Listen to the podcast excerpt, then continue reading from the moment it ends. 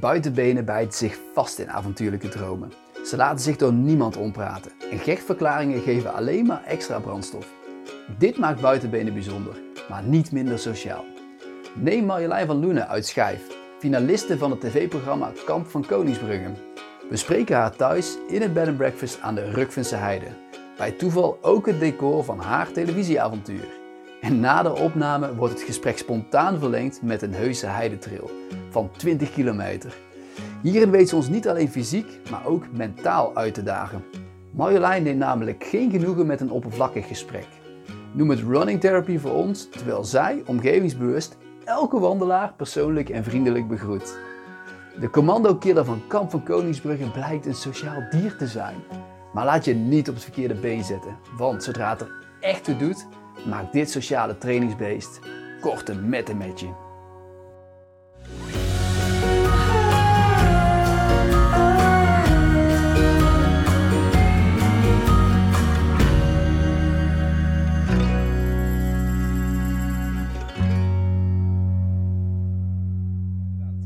Ik heb op. eh, Is het al 5 voor 12? We zijn al een uur bezig gewoon met babbelen, hè? Ja. we hadden al klaar ja, kunnen ja, zijn. ja, ja. Sorry. Eigenlijk hebben we, ja goed, dit was de opname. eh, we hebben het gesprek gehad. Ja, ik weet, we weten alles wel. Nee. Weet alles al. Nee. Hey, maar Marjolein, eh, mooi dat we hier kunnen zijn. En bedankt eh, dat we bij jou thuis mogen komen om deze opname te doen. Ehm, nou, we, hebben net, eh, we hebben net jouw thuisfitness hier eventjes mogen bekijken. Eh, ziet er mooi uit. Eh, maar in ieder geval bedankt dat we hier mogen zijn. Jullie bedankt voor de uitnodiging. ja, nee, uiteraard. hartstikke graag eh, gedaan. Ehm ah, René, het lijkt me goed om even een kleine eh, situatie te schetsen. Of even een kleine schets te doen van eh, degene die we tegenover ons hebben. Goeie. Eh Marjolein, je bent 26 jaar oud. Klopt.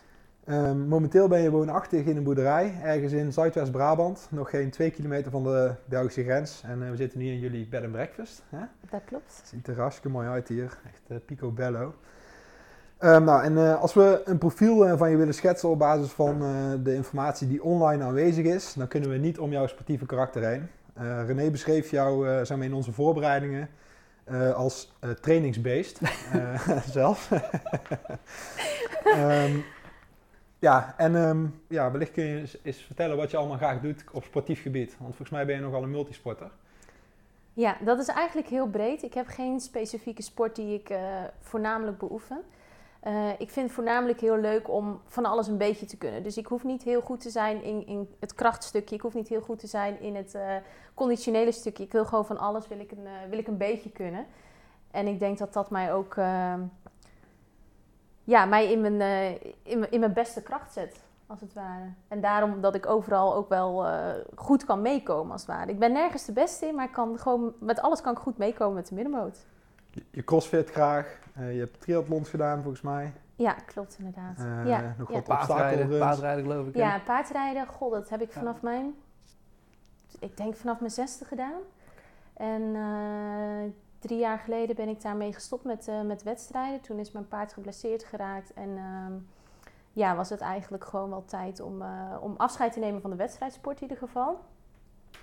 Eh, maar goed, we zitten natuurlijk wel nog op de boerderij. Dus het is, de, paarden, de paardenwereld heeft, mij nog niet verlaten in ieder geval. Dus ik ga nog wel eens met, eh, met mijn oude wedstrijdpaard, want die is dan wel weer genezen van zijn eh, blessure. Maar ga ik nog wel eens naar het bos toe, gewoon lekker recreatief rijden. Nou. We waren net in jouw gym en eh, jouw halterstang die lag op, een, eh, op die houders voor, voor dat paardspringen Ja, gebeuren. klopt, ik weet niet ja. hoe je ze noemt, maar... De, eh, sta ja, de staanders. dus, Ja. ja. dus je hebt die twee staanders, die twee ijzeren staanders. En daartussen zitten dan de, de balken waar de paarden overheen moeten springen. En eh, ja, je moet een beetje creatief zijn. Als je het spul hebt, hoef je het niet aan te schaffen. precies. Maar dat is in ieder geval eh, het onderdeel van jouw fitnessuitrusting, eh ja, zagen we al. klopt Zo, zo gewoon gebleven ook. Hè? Ja, ja, dat is heel belangrijk. Hè? Gewoon Ja, ja, dat denk ik met twee wel. benen op de, op de grond blijven. Zo is dat. En je zit graag op de fiets. Heb je dan nog een voorkeur voor de racefiets of de mountainbike? Ja, dan toch racefiets. Oké. Ja, dan toch racefiets. Omdat ik met de trailrun al veel in het bos ben. Dan vind ik het juist ook wel lekker om een keer die, eh, ja, die snelheid over de weg te, te voelen, te Ja, het is ervaren. sneller, hè? Ja, En wat voor snelheid tik, eh tik Nou, aan? dat is ook weer zoiets. Ik, ik doe gewoon met de triathlon doe ik een, eh, altijd één achtste. Eh, ja, ik zou verder kunnen, zeker. Maar ik heb daar gewoon, uh, ik, ambitieer dat niet. Ik vind het gewoon veel leuker om dan een kortere afstand te doen. Dan zwaai ik naar alle fotografen die aan de zijkant staan, omdat ik het gewoon echt voor mijn plezier doe. Weet je, mijn zus die heeft dan zo'n echt zo'n tijdrijfiets, die ligt dan zo met die armpjes zo naar voren. Ja, en die gaat dan echt voor PR's. En, uh, en dan zeg ik aan het einde van de race van, Doreen, heb je dat en dat onderweg gezien? Nee, nee, heb ik niet gezien. Ik had alleen maar focus op rechtdoor. dus ja, dat is ook gewoon een hele andere, hele andere mindset. Ik, ik, ga er, ik ga er 100% voor. Alleen ik, ik geniet er wel heel bewust van. En ik denk dat dat het stukje genieten, dat dat in alles wel terugkomt bij mij bij het sporten. En dat ik het daarom ook leuk hou voor mezelf. want mensen vragen dan ook wel eens van hoe train je voor bepaalde races of uh, hoe blijf je gemotiveerd. En dan zeg ik altijd, ja, ik, ik ik train wat ik leuk vind. En ehm, ik heb ook geen schema's of zo. Ik, ik, ik voel gewoon en ik luister naar mijn eigen lichaam, wat, wat goed voelt. En ik kan ook heel streng zijn voor mezelf. Hè, bijvoorbeeld als ik uh, voorbereid voor een, uh, voor een race. Of dat dat nou een trailrun is of een triathlon um, of Kamp van Koningsbrugge. Hè, stel, ik, uh, ik heb een training op programma staan en ik heb eigenlijk zoiets van... Ah, gatsie, moet ik nou weer trainen? Dan kan ik voor mezelf wel heel goed reflecteren van... oké, is dat omdat ik geen zin heb of is dat omdat, ik, omdat mijn lichaam echt moe is? En als het dat tweede is, dan heb ik twee keuzes voor mezelf. Of dan wordt mijn training iets minder intensief, maar ga ik wel. Of als, het, als ik echt heel moe ben, mijn lichaam is moe, dan, uh, dan sla ik die training over. Maar als het die eerste is en ik weet dat van mezelf, dat ik gewoon echt even zoiets heb van, ah kak, ik heb eigenlijk geen zin om te trainen. Ja, dan, dan gooi ik mezelf door die fitness heen. En dan, ja, dan ga ik juist extra hard. Ik weet niet wat het is. Dan, ik kan mezelf dan echt heel hard, uh, heel hard straffen of zo. Ja, ik weet niet wat dat is. Ik, kan, ik, kan, uh, ik heb zeg maar geen trainer nodig om... Um, mezelf naar de fitness toe te sleuren of uh, op die fiets te stappen. Om diep te gaan in ieder geval. Ja, nee. Ik kan mezelf wel, um, om maar zo te zeggen, ook uh, kotsend langs de kant uh, brengen. Nou, we ja. gaan een beetje uit de structuur die we van tevoren hadden bedacht, René. Maar ja, ik wil eigenlijk meteen wel even inhaken. Want je zegt, ik, ik, doe, ik doe dingen die ik leuk vind op sportief gebied. Maar we zagen ook dat je mee hebt gedaan aan een 24 uur uh, um, Mudmaster race. Ja, waarin je bijna 100 kilometer hebt afgelegd in, met obstakels in 24 uur. Ja. En dat vind jij leuk? Ja, dat vind ik heerlijk. Oké. Ja, ik vind het gewoon zo lekker om die... Um, om niet één keer, om niet twee keer, maar gewoon een, een heel aantal keer over je eigen grens heen te gaan. En die, uh, ja, dat klinkt heel stom, maar gewoon om die, om die, om die pijn te voelen in je, in je lichaam. Dat is zo'n Zeg maar, stel je, je loopt een, uh, een 5 kilometer hardloopwedstrijd en uh, die doe je gewoon rustig aan. Uh, je komt binnen 30 minuten binnen en dan, dan heb je ook een, een, een voldaan gevoel. Maar je hebt niet het, dat euforische gevoel, datzelfde euforische gevoel nog een week later bijvoorbeeld. En dat heb je met zo'n race wel. Dan, daar denk ik gewoon nu nog steeds aan. Dat, dat gevoel en die pijn en die gedachten die dan door je hoofd heen schieten. En, dat, dat blijft je bij. Dus ik, ik denk dat dat iets is wat ik met al mijn wedstrijden doe en al mijn avonturen. Ik noem het soms niet eens wedstrijden, maar meer gekke avonturen. Het blijft je heel erg bij. Uh, op fysiek vlak, op uh, mentaal vlak. Ik, ik denk dat ik daar heel erg naar op zoek ben. Dus niet zozeer hoe zwaar het is, maar meer dat ik mezelf kan. Um, blijven tegenkomen. Mhm. En daar dan alsnog gewoon de lol van in blijven zien en gewoon ja, ja waarom, door waarom zien, waarom zien we de lol van dit soort dingen? ja, dat is, dat, dat is de vraag natuurlijk. Maar ik, ik ga ook even de structuur eh, helemaal op zijn kop gooien. Ja, is goed. ik, uh, ga je gang. want je vertelde net uh, dat je echt iemand bent die graag zelf bepaalt wanneer ze traint, goed luistert naar haar eigen lichaam, geen schema's nodig heeft, et cetera. Uh, dat klinkt voor mij heel herkenbaar, zo ben ik zelf ook. Uh, maar dat zou voor mij meteen een moeilijke zijn om mee te doen met zo'n programma als Kamp van Koningsbrugge, waar je mhm. wel in de militaire structuur terechtkomt. Mm -hmm. was je daar van tevoren bezorgd over, dat daar alles opgelegd ging worden? Nee, ik heb echt totaal geen moeite met uh, hiërarchie, omdat je dat ook weet uh, in deze setting, dat zij dat ook allemaal om een reden doen. Um, je weet dat van tevoren. Waar ik wel niet in het programma, maar van tevoren heel veel moeite mee had, is um, dat je totaal geen idee hebt wat je te wachten staat. En je kan je er ook niet. Kijk, in de basis kan je erop voorbereiden. Je moet je fysiek voorbereiden, je moet je mentaal voorbereiden, maar that's it. Maar je weet niet wat er gaat gebeuren.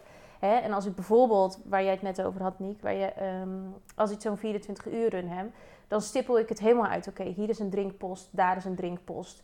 Daar leg ik dan een bakje met dit en dit eten neer. Daar leg ik een bakje met dit en dit eten neer. Ehm, nou, dan heb ik hier mijn uh, support crew staan. Die hebben ehm, een wetsuit bij me. Die trek ik zo laat aan, want we gingen natuurlijk ook de nacht in, uiteraard. Um, dus, met die 24 uur race heb je nu nog over, hè? Met die 24 uur race. Ja, ja, ja, ja, met KVK hadden we geen wetsuit hoor, maak nee, geen zorgen. Even voor de alle duidelijkheid. ja, ja, met die 24 uur. Ja. Dus ik stippel dat voor mezelf helemaal uit. En dan ook, uh, ik maak dan allemaal kledingsetjes. En uh, dat stop ik allemaal in een tas. Op die tas schrijf ik hoe laat ik dat ongeveer wil. Want ik bekijk de temperaturen. Dus ik, ik kan het voor mezelf tot in de meest kleine finesses kan ik dat helemaal uitstippelen.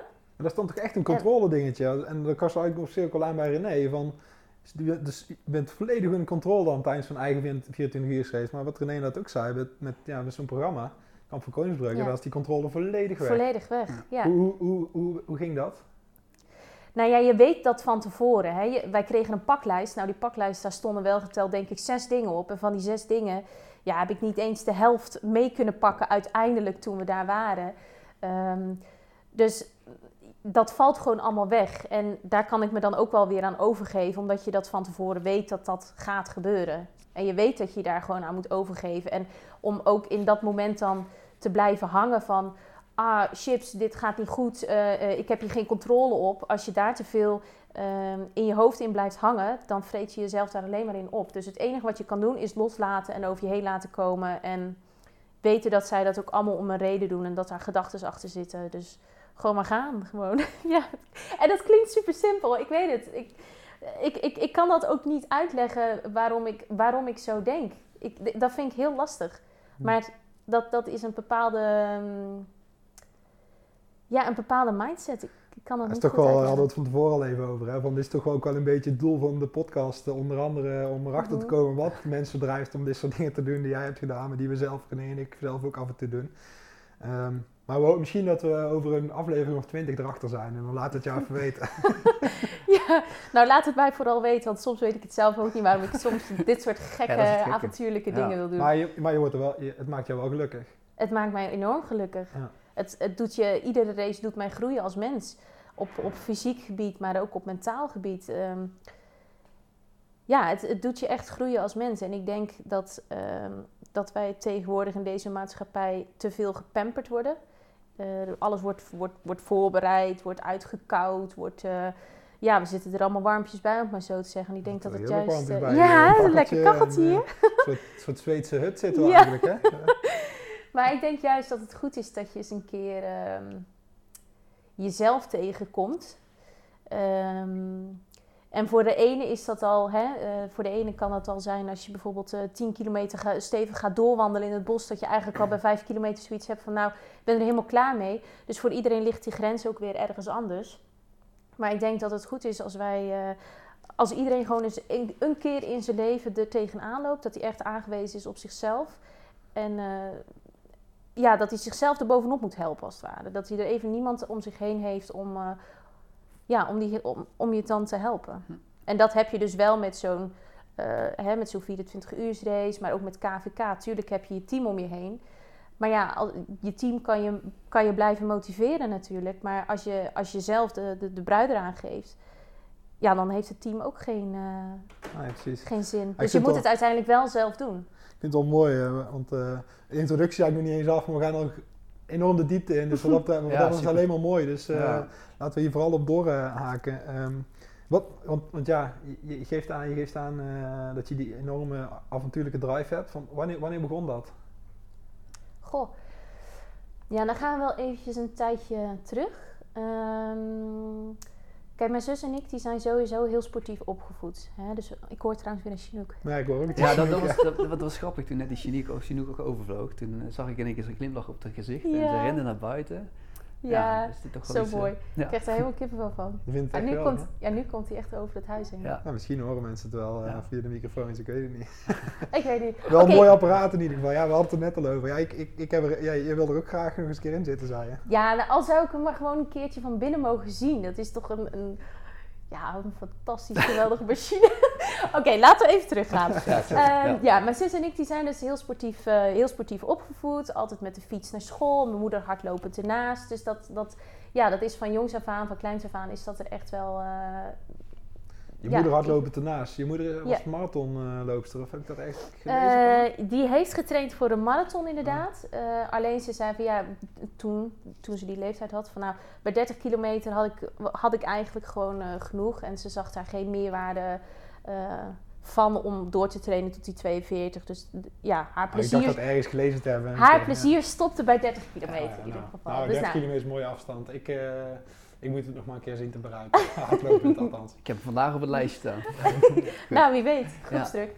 Ehm, maar goed, dus altijd eh, sportief opgevoed. Ehm, nou ja, dan word je natuurlijk ouder. Ehm, van jongs af aan zijn wij gaan paardrijden. Nou, daarbij, eh, toen we wat ouder werden, eh, gingen we hardlopen. Dus er kwamen steeds meer sporten eigenlijk bij. En, ehm, nou ja, hoe oud waren wij toen? Een jaar of poeh, 15, 16, 17 denk ik zoiets. Nou, toen sporten we al eh, vier, vijf keer in de week. Buiten het paardrijden dan. En eh, ja, Maar toen... dit, maar dit klinkt allemaal nog redelijk, eh, zeg maar, normaal. Niet Ja. per se heel buitenbenerig. Ja. Maar inmiddels is het wel... Nou, die, dat, wel- dat omslagpunt is eigenlijk gekomen in 2015. Toen is ons pap overleden. En sporten was altijd al onze, onze uitlaatklep. Alleen eh, toen was dat helemaal onze uitlaatklep geworden. Dus als je verdrietig was, of je zat er even doorheen, of je wilde gewoon even een momentje op jezelf, eh koppie leeg, et cetera. Nou, meer sporten. En als je meer gaat sporten, word je fitter. Dus een 5 kilometer hardloopwedstrijdje was niet meer genoeg. Dus wij gingen het steeds extremer opzoeken. Nou, eh, we doen een keer een triathlonwedstrijdje. Oh, nou, dit gaat eigenlijk wel, wel goed. Dit gaat lekker. Dit gaat, ja, we vinden het leuk. Dus ja, dan ging je je steeds verder uitbouwen eigenlijk. Ja. Is het dan, ja, René, je hebt die vraag volgens mij bij andere gasten ook al eens gesteld. Dit soort, ja, dit soort eh, verhalen zitten er vaak achter. Mhm. Ehm, zeg maar iets dat het eigenlijk, dat, ja, maar zo'n keer het moment van, van eh, verdriet of eh, een heftig moment, zeg maar. Waardoor het in eerste instantie eigenlijk vluchtgedrag lijkt. ja. Voelde het toen als vluchtgedrag? Nee, het voelde niet als vluchtgedrag. Het voelde echt als een stukje verwerking. Sport is, eh, was, was en is altijd onze ja, verwerkingsmodus geweest. Ehm, ja, en als je dan op zo'n punt komt dat je, dat je dan je vader komt te overlijden, ja, dan, dan gebeurt er wel heel veel in het gezin. Hè? Je bent dan in één keer met z'n drietjes, drie vrouwen. eh, ja, wat, er vallen in één keer best wel wat, wat rollen weg. Hè? De, de vaderfiguur valt weg. eh, de, de, ja, de leiding zeg maar in het gezin. De, ehm, ja, de, de, de drijvende krachten. Dus de sterke, ja, hoe moet ik dat zeggen? Gewoon iemand waar je op kan, waar je op kan terugvallen. En dan, dat was voor ons echt wel een, een, ja, een, een omslagpunt dat wij, eh, dat wij wat, wat extremer gingen sporten. En dat was niet dat dat werd opgedragen of dat dat werd geadviseerd van meiden, jullie moeten gaan sporten, want dat is goed voor de werking. Dat, dat ging gewoon automatisch. En vaak, En, waarom is die, ja, ik, ik kan me er in vinden, maar die, eh, waarom is die verwerking, waarom werkt het dan om dan te sporten? Ja, gewoon hoofd leegmaken, gewoon lekker gaan lopen, nergens aandenken. eh, telefoon vooral thuis laten en gewoon de, ja, de natuur in. Gewoon, eh, gewoon lekker gaan lopen. Denk je Eh, ook aan andere dingen als je sport? Dan, Soms wel. Soms is het ook gewoon de, de dag verwerken of van je, van je werk bijvoorbeeld. Ik probeer eigenlijk iedere dag wel naar het bos te gaan. Iedere dag gewoon eventjes, eh al is het een rondje met de hond wandelen. Gewoon eventjes al die prikkels van, eh, van het werk, van, van de dag, van alles. ja, want qua werk, Ja. eh, dit stond in de intro, ik moet het blaadje, ik moet het blaadje er weer even bijpakken. Even maar, het eh, introblaadje. Ik had, nog, ik had er nog bij staan van, Ja. eh, volgens mij, eh, om, de intro nog even af te maken van, Ja. ja, Marjolein, je bent volgens mij een familiemens. Eh, God heeft een belangrijke rol in je leven. Mhm. Eh, verder denken wij dat je, dat je graag buiten bent. Nou, dat heb je net eh, bevestigd. Ja. Bevestigd. En van dieren houdt. Ehm, en als we ons niet vergissen, dan werk je dus eh, bij de grootste sportwinkel van Nederland. Eh, Mhm. waar de gemiddelde buitenween volgens mij eh, zo nu en dan graag een kijkje komt nemen. Dat is eigenlijk wat ik had staan. En, en, dat, Toch dat, kunnen gebruiken. Ja. Check. dat is, eh, dat is de Decathlon volgens mij. Hè? Dus eh, Ja, wat is jouw rol daar binnen je werk? Ja, ja. Ehm, ik ben eh, onder andere productopleider van het hardloopmerk. Dus ik geef productopleidingen aan alle collega's die op de hardloopafdeling staan van Decathlon Nederland. Dus ik ben eigenlijk, om het even ja, en Janneke taal te zeggen, ik ben eigenlijk de schakel tussen, de, eh, tussen Frankrijk, waar, het, waar de producten bedacht worden, en Nederland. Hè, dus eh, wij gaan met het monitorenteam, noemen we dat dan. Die bestaat uit eh, vier personen. gaan we naar Frankrijk toe. Daar krijgen we de nieuwe productinformatie te horen. Daar testen we de producten. Ehm, ja, krijgen we alle, alle producten ook mee naar huis om hier ze nog verder te testen. En dan geven wij die uh, nieuwe productkennis over aan de, aan de collega's in, uh, in Nederland. Dus dat is een fantastische job. Je werkt alleen maar met sportminded mensen, uh, met, de, met ja, redelijk de, dezelfde drive. Ik zeg niet dat zij ja, net zo sportminded zijn. Misschien ben ik iets, iets meer sportminded dan gemiddeld. Ja. Maar in ieder geval wel, wel hardlopen is in hart en nieren. En dat is gewoon fantastisch om dan diezelfde ja, interesse te delen. Ik, ik heb wel eens gehoord, en vooral toen ik zelf bij een watersportmerk werkte, mm -hmm. er was een jongen die weekboorde heel graag, maar doordat het ook zijn werk werd om de weekboards te verkopen en mm -hmm. accessoires, zei hij van ja, ik weet het niet, ik ben klaar met weekborden. Oh. maar dat is bij jou niet, uh, nee, niet dat is bij mij helemaal niet zo. Hier tegenovergestelde? nou, niet per se tegenovergestelde. Nee, ik ben daar niet, ik ben niet, uh, want ik werk daar nu bijna vijf jaar. Ja, aankomende augustus werk ik daar vijf jaar. En ik kan nou niet zeggen dat ik, uh, dat ik ben veranderd in de afgelopen vijf jaar in, in, op uh, sportoogpunt dan. Omdat ik nu bij de, bij de Decathlon werk. Nee, wat wel zo is, hè, wij mogen bijvoorbeeld in de pauzes mogen wij gaan sporten. Uh, we hebben één keer per maand hebben we een IG, een individueel gesprek met je coach. Noem dat al. Ja, het zijn allemaal sporttermen bij Decathlon. ze, zij hebben geen hiërarchie, dus zij werken niet met managers of dat oh, soort dat dingen. Dat is niet typisch Frans, maar interessant. Ja, ja het is al heel, heel interessant inderdaad. Ja. Um, maar goed, dus heb je een gesprek met je coach, dus over de ontwikkeling eh, van jezelf, ontwikkeling binnen Decathlon. En dan, um, ja, daar trek je dan twee uur bijvoorbeeld voor uit. En dan een uur heb je um, ja, om, om over je ontwikkeling te praten, waar je tegenaan loopt of uh, uh, waar je nog aan wil werken, et cetera. En een uur ga je lekker sporten. Dat Ja, is lekker. gewoon echt, en dat is, dat is zo heerlijk. Ja. Dat is zo, ja, dat, dat, dat, dat, dat zit er wel echt in die, uh, in die, in die sportcultuur daar. Ja, toen ik jou eh, sprak over uh, deze opname, toen had je het ook, volgens mij eerst dan zat je ook in je hoofd om wellicht ergens buiten in het bos te gaan zitten. Uh, Ja, ik dacht dat is wel leuk. ja. Lekker Ja. ergens onder een boom of zo. Had, ook prima, had op zich prima gekund, maar je weet natuurlijk niet of dat regent of niet. Maar Ja. ja. dit is heerlijk hoor, om hier te zitten. Ja, dat is wel typisch dan, want als je hier nou twee kilometer loopt, gok ik hè, we gaan het zo meteen eh, ondervinden, dan ben jij volgens mij op het trainingsterrein van eh, de commandotroepen, klopt dat? Nou, wij zitten op 500 meter van het bos vandaan inderdaad. Ja? Maar eh, ja, hoe ver zal het zijn? Ik denk drie kilometer naar, ja, binnendoor, hemelsbreed. Denk ik drie kilometer naar het, eh, naar de KCT. Heeft, heeft Ja. het ook eh, nog te maken met hoe je bij het programma terecht bent gekomen? Nee, het feit dat de commando's niet. zo dichtbij zitten? Nee, helemaal niet. Want ik wist ook niet, of wij wisten niet, waar de opnames gedaan zouden worden. Hè, wij, wij werden verwacht, op een woensdag was dat volgens mij, werden wij verwacht, ehm, de v- 14 september was dat, werden wij verwacht in een hotel in Breda. En ik was eigenlijk gewoon van overtuigd van, ik had heel veel scenario's in mijn hoofd wat, waar we het zouden kunnen gaan eh, eh, beleven allemaal. En een van die scenario's was dus, oké, het zou best kunnen dat de mensen uit het zuiden daar worden verwacht, mensen uit het noorden worden daar ergens centraal verwacht en dan rijden we ergens naar het midden van het land. Hè, want ik wist van tevoren, KCT, dat is, een, dat is een omgeving waar niet een normale burger komt. Dus ik weet ook niet of dat ze dat nu voor een tv-programma open gaan stellen. Dus ik had, ik had heel veel in mijn hoofd, maar ik had wel gezegd ehm, hier tegen mijn ouders en tegen mijn zus van oké luister, jullie mogen sowieso die twee weken niet hier in het bos komen. Meer uit voorzorg, Ja. preventief. Want ja, als jullie in het bos gaan lopen en ik zie jullie met de honden, ja, dan, dan dat is niet best. nee, laat mij lekker in die bubbel zitten. Nee, ik had echt het liefste ergens in Groningen gezeten of ergens in de Ardennen. Zo ver mogelijk van huis vandaan. Want je bent toch emotioneel verbonden met die plek. Ehm, en dat was ook een van de dingen wat er dus op dag 1 gebeurde. Dat was een opstapeling van dag 1. Eh, en een van die dingen was gewoon dat ik echt dacht van... joh, ik ben gewoon, ik ben gewoon bijna thuis. En dat, dat wil je, Oh ja, dat wil je ja. juist niet. Want dat is wel interessant. Als kijker, hè? Als Mhm. kijker dacht ik toen, nou, oké Marjolein, die gaat het niet lang meer volhouden. Mhm. Je Maar- was niet de enige hoor. Nee, waarschijnlijk dachten heel veel mensen dat. Maar die, Ray, die Ray en Die, zeg ik hun namen goed, Ray en Die, hè? Mhm. die zagen iets in jou op dat moment wat eh, wij als kijker nog niet konden zien. Want ze waren best wel kritisch op andere Ja. deelnemers. Dat ze zeiden van ja, weet je, je hoort er niet bij, trek je dingen maar vanaf en afgelopen. Mhm. Wat hebben ze op dat moment tegen jou gezegd, wa- waardoor het voor jou iets meer op zijn plek viel? Waardoor je verder kon? Niets meer en niets minder wat, wat jullie op televisie hebben gezien. Oké.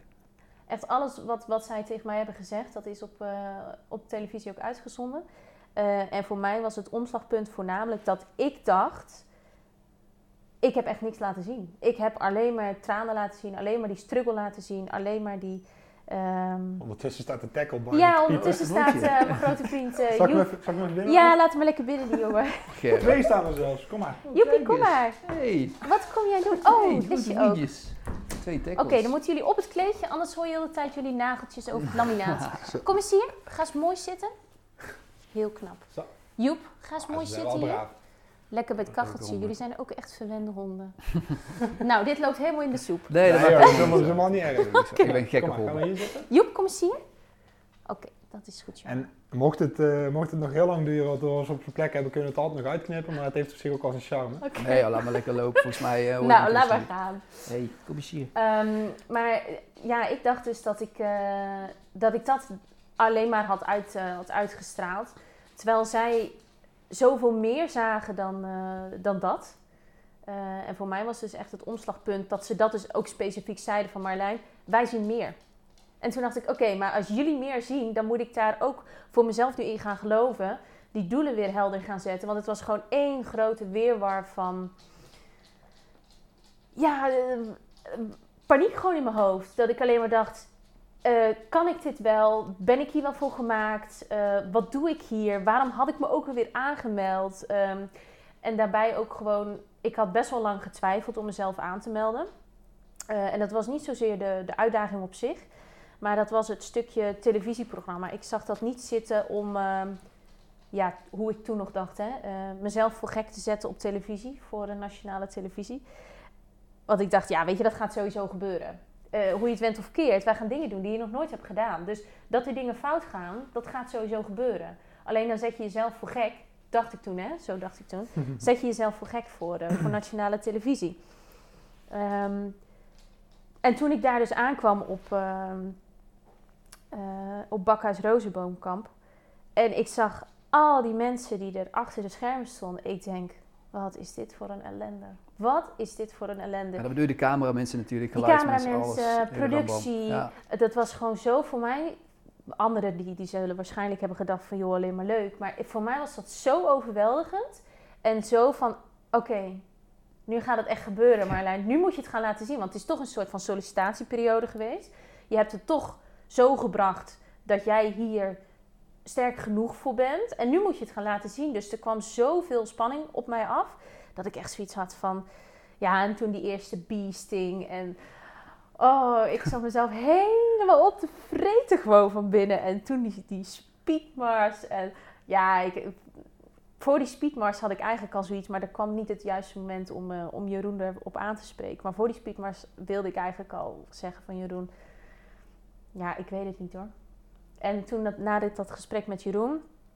eh, dat was heel fijn. En vooral die knuffel was even fijn. Gewoon even een beetje meer humaniteit Ja, ja. erin. Die, die, eh, die knuffel die, eh, die eh, gaf mij ook al kippenvel, moet ik zeggen. Echt waar? Ja. Nou, daar heb ik veel commentaar op gehad hoor. Commentaar.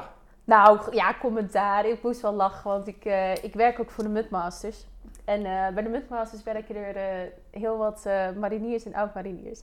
En ja, zij, eh, wij zitten ook met elkaar gewoon allemaal in de groepsapp. En toen zeiden ze aan het eind van... Marlijn, goed gedaan, super trots op je, bla bla bla bla.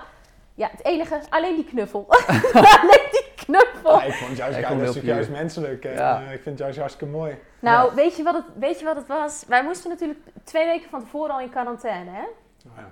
Eh, maanden daarvoor speelt dat al zo in jouw leven, heel dat KVK. Je bent eh, aan het voorbereiden, je mag er met niemand over praten.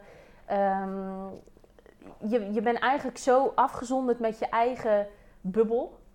En de- dan kom je daar en eindelijk heb je gewoon weer een beetje mensen tegen Ja. wie je kan praten, wat er in je omgaat. En want dat kon je niet. Je kon niet tegen, als ik op mijn werk was, eh, die twee weken daarvoor dan, eh, en die maanden daarvoor, kon ik niet zeggen van jongens, sorry, ik heb echt even zware training gehad, ik, ben, ik zit er echt even doorheen. Of ehm, van jongens, er gaat nu zoveel door mijn koppie heen wat ik, wat ik allemaal nog moet doen. Of wat ik, wat ik... Dat kon je niet zeggen. Dus Klinkt ook als een stukje ontlading van... Ja. nou, maar, ja, maar dat ja, was ja. het exact. Het was echt gewoon een tikkende tijdbom. En die eerste dag kwam alles bij elkaar. Eén, eh, de locatie, die was dicht bij huis. Twee, gewoon heel die crew die daar stond, die camera's. Dan ook nog eens die eh, stress die er in één keer op me afkwam. Die twijfel van, oké, kan ik dit wel? Waarom heb ik me hiervoor opgegeven? En gewoon dat, dat stukje, dat vertrouwen, dat ene zinnetje wat, wat uh, Daya en Ray dan zeiden van Marlijn, wij zien meer. Dat heeft mij echt gewoon die knop meteen omgezet. En ja, ik weet niet, dat was gewoon een, een, magische zin, waardoor ik gewoon in één keer weer het vertrouwen in mezelf terugkreeg. En in één keer gewoon dacht van, ja, we gaan er gewoon voor. En dat is ook het, het laatste moment geweest, waar uh, die eerste dag dan is het laatste moment geweest dat ik, uh, dat, dat dat door mijn hoofd heen is gegaan van ik wil, ik wil stoppen voor de rest ben ik alleen maar, ja, hoe reed het ja. zoals een raket omhoog gegaan. Ja, dat heb je echt laten zien ook. Ja. Alleen maar eigenlijk, alleen maar, uh, ja, natuurlijk helemaal naar de Getver gegaan. Maar geen enkel moment is er meer door mijn hoofd heen geschoten van, jongens, uh, wat doe ik hier? Of ik wil stoppen? Of uh, waar ben ik mee bezig? zoals ik aan de telefoon al zei, normaal gesproken kijk ik eigenlijk niet echt tv-programma's en zo. Mm -hmm. maar ik had dus toevallig, zeg maar, tijdens een avondje uit de finale gezien. En ik had daarvoor ook wel een aantal keer ook van, vanuit, militaire, vanuit de militaire kant positieve geluiden over het programma gehoord en ook over jou. Uh, en, die, en die werden tijdens de finale ook zeker bevestigd. bevestigd. Inmiddels heb ik mijn huiswerk gedaan. Want Heel was goed. een beetje, Heel was een beetje, blik ook. Ja, ja, ja, ja, ja. was een beetje, Heb jij alles gekeken, jongen? ja. was een beetje uh, voor uh, jouw deelname volgens mij dat ik toch even alles keek. Ja, ik heb er enorm van genoten. Zeker, goed zo. want het was, ja, het was enorm mooi aan elkaar gezet. En, en, en, volgens mij mag je ook heel trots zijn op wat je hebt bereikt. Ja. Maar waar je denk ik voor sowieso, lijkt me, super trots op kan zijn, is dat je aan het einde gewoon uit, de, uit de mond van de instructeurs hoort, dat jij commando waardig bent. Ja. Hoe was het Ja. om dat te horen? Ehm, ja, heel bijzonder. Maar dat is vooral in de, in de waardes hè, die ze hebben. Het moed, beleid, eer, trouw en trots. Dat je, dat je die hebt. Ehm, ja, dat, dat is gewoon... Dat is, dat is, ik weet niet, ik kan, dat, ik kan dat niet omschrijven. Dat is ook weer een gevoel wat er dan van binnen allemaal gebeurt. Dat, ja, en ook op zo'n moment eigenlijk als je daar staat, je, je, beseft het, je beseft het of zo ook allemaal nog niet wat er is gebeurd. Omdat je wordt... ehm, ja, ik weet niet eens meer of dat zeven of acht dagen is, moet je nagaan. Maar je wordt zo geleefd die dagen. Je, ehm, aan de ene kant ben je heel bewust bezig met iedere stap die je zet. Maar aan de andere kant ben je ook totaal niet bewust bezig met wat je allemaal doet. En als ik één ding tegen mezelf mag zeggen, eh, hè, stel je zou het nog een keer doen, dat gaat niet gebeuren. Al zou ik het wel heel graag willen. Maar goed, ik denk tevoren- niet dat ik nog een keer geselecteerd word. Maar dan zou ik echt mezelf als tip mee willen geven, geniet er ook van. Ik heb één moment gehad dat ik, dat ik bewust aan het genieten was. En dat was toen ik eh, in de lucht hing met, eh, met de parasprong. En dat ik zelf letterlijk de touwtjes in handen kreeg. En dat ik zo aan het sturen was. Boven mijn eigen bos, waar ik iedere dag aan het lopen was. Toen dacht ik, Marlijn, wat ben jij nou toch allemaal aan het doen? Wat heb jij in leven? Dit is toch fantastisch dat dit zo op jouw pad is gekomen. Maar goed, dat is één... Is het op je pad gekomen? Of heb je dat zelf, eh, heb je dat zelf gecreëerd? Ja, beide. Ja. Het komt op je pad, maar je moet daar wel iets mee doen. Ja, want ik denk eh, dat bij heel veel mensen op het pad kan komen, maar je moet ook wel handelen. Anders Ja. dan, Ja. eh, Ja. Ja, had, je dan, had je dan niet Ja. in, die, in die parachute gehangen. Ja. Kijk, ik, ik ben heel. Ben, ik, ik geloof er heel sterk in dat dingen gebeuren om een reden. Ehm, maar het is niet zo dat jij eh, binnen moet gaan zitten en zo van nou, het is allemaal al bepaald en eh, dat komt allemaal vanzelf wel. Nee, je moet daar wel. Je moet daar wel zelf aan werken. En als er dan zoiets op je pad komt, dan moet je daar zelf ook wel iets, iets van maken, om maar zo te zeggen. Ja, Nou, je, hebt, je hebt er iets van gemaakt. ik heb er op zich iets Ja. van gemaakt. Ja. Ja. Nee, Vind jij dat de, de, de kijkers van het programma een goed beeld van jou krijgen? Nou, het, het allermooiste compliment wat ik heb gekregen, en echt het allermooiste compliment, is van de mensen die heel dicht bij mij staan. Die zeiden, Marjolein, we hebben echt naar de Marjolein gekeken. We hebben echt gewoon de Marjolein gezien wie jij bent. Juist ook die eerste dag met die struggle, want dat ben jij ook gewoon. Jij wilt het gewoon altijd met alles wat je doet zo goed doen, dat je sommige dingen ook gewoon niet doet, omdat je niet zeker weet of dat jij die 10 Ja. kan gaan leveren. En niet die 9,5, nee die 10. Dus dat, was, dat hoorde ook gewoon bij jou. Dat was niet dat je, ik, ik noemde het van, ik herkende mezelf niet meer. Maar anderen zeiden juist, ja, maar herkende jezelf wel. Want wij zien soms ook die struggle die jij dan hebt. Dus dat, dat, dat was echt een, het allermooiste compliment wat ik heb kunnen krijgen. Dus terugkomend op jouw vraag. Ja, ik denk zeker dat mensen een goed beeld van mij hebben. Wie, wie ik ben, waar ik voor sta. Ehm, ja. Mooi. ja, ik denk, het- denk het wel. Ik ben heel benieuwd ook wat de, wat, wat de kijkers daarvan, eh, of de luisteraars daarvan Ja, wij, vinden. wij kunnen het nu al bevestigen eigenlijk, hè? want wij kennen jou niet en we hebben nou net, eh, ja, we kennen jou nu anderhalf uur. En voor mij komt het wel voor hetzelfde in ieder geval heel vertrouwd over. Ja? Maar ja, wij kennen jou van het programma, jij kent ons nog niet. Nee. Nee, dus dat is wel... eh, Ah, je hebt, eh, je hebt eh, één aflevering geluisterd. Dat is eh, dus enigszins... Oh ja, ze kennen ons ook enigszins op... eh, Ja, ik heb ook bij huiswerk gedaan, hè? Jij wel. Wacht even. Ja, precies. Misschien is dit ook wel mooi Nick, om het te hebben over eh, de, ja, ik noem het zelf rebound effect. Dus je hebt een extreem zware inspanning gedaan. Je hebt de, de 24 uur race gedaan hè, van Mudmasters. Dit duurde ook, hoeveel dagen was het? Zeven? Ja, zeven of acht, ik weet het Zeven niet of eens acht meer. dagen. Ja, Ah, moet je misschien, wel interessant om even aan te geven dat we dus eh, twee, eh, twee afleveringen geleden, aflevering 6, eh, ging over, over mijn 24 uur tocht. En dat dat bij mij echt een enorme, eh ja, hoe noem, hoe noem jij het net? Ja, een soort rebound effect. Rebound dat je echt even met je neus op de feiten gedrukt omdat je lichaam op is. En dat heb ik natuurlijk meegemaakt met die 24 uur race bij Defensie. Ja, ik kan me voorstellen dat je na zo'n inspanning misschien iets vergelijkbaars meemaakt. Dat, even, dat je erheen zit. Hoe is dat herstel voor jou gegaan? Eh, van KVK bedoel je? Ja, sorry, ja, KVK. Hoe is dat herstel gegaan? Nou, ik kwam... eh, Goh, hoe laat kwamen wij thuis? Volgens mij kwamen wij rond een uur of half zes thuis. Toen zijn wij ook meteen gaan eten. Nee, ik ben eerst gaan douchen. Wacht eventjes. Ik ben eerst gaan douchen. Want ik, dacht, ja, eerder kom ik niet aan tafel. Want ik stonk een partijtje, dat wil je niet weten. Maar ik ben eerst toen gaan douchen. Toen zijn we gaan eten. En ja, ik lag voor zeven uur op bed. En ik denk dat ik toen die eerste nacht twaalf uur heb geslapen. Maar eh, heel, heel gek. Je slaapt heel diep. En misschien herken jij dat wel, Niek. Ehm, je slaapt heel diep. Maar toch, op ieder geluidje word je wakker. Hmm. En dan ben je ook meteen, je staat aan. Dat is wat waakzaamheid. eh, Ja. ja, ja. En dan ben je meteen aan het op zoek naar je wapen. Je, je bent voor jezelf meteen je, in, je, in je hoofd bepaalde dingen op orde aan het brengen. Van oké, waar ben ik dan nu? Wat moet ik doen? Eh, oh nee, ik ben gewoon thuis. Ik lig in bed. Het is allemaal afgelopen.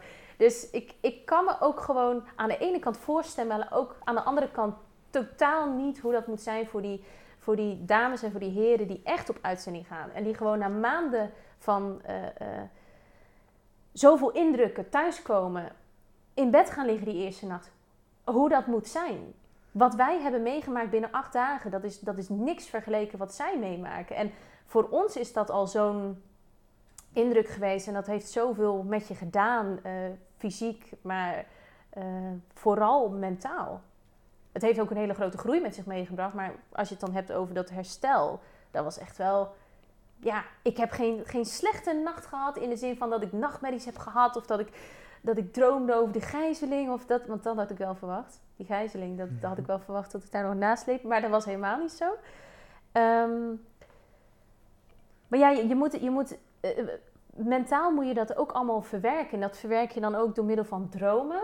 Dus je, ja, KVK heb ik gewoon nog een keer herbeleefd in mijn dromen. Dus, René, we gingen eh, twee dagen terug wandelen, hè, eventjes om dit even voor te bespreken, Ja. als tweeën. S'avonds door het bos. En toen hadden we ook hier, eh, toen zei ik tegen jou van ik heb, ik heb nog steeds af en toe wel eens nachtmerries dat ik mijn wapen kwijt ben. ja.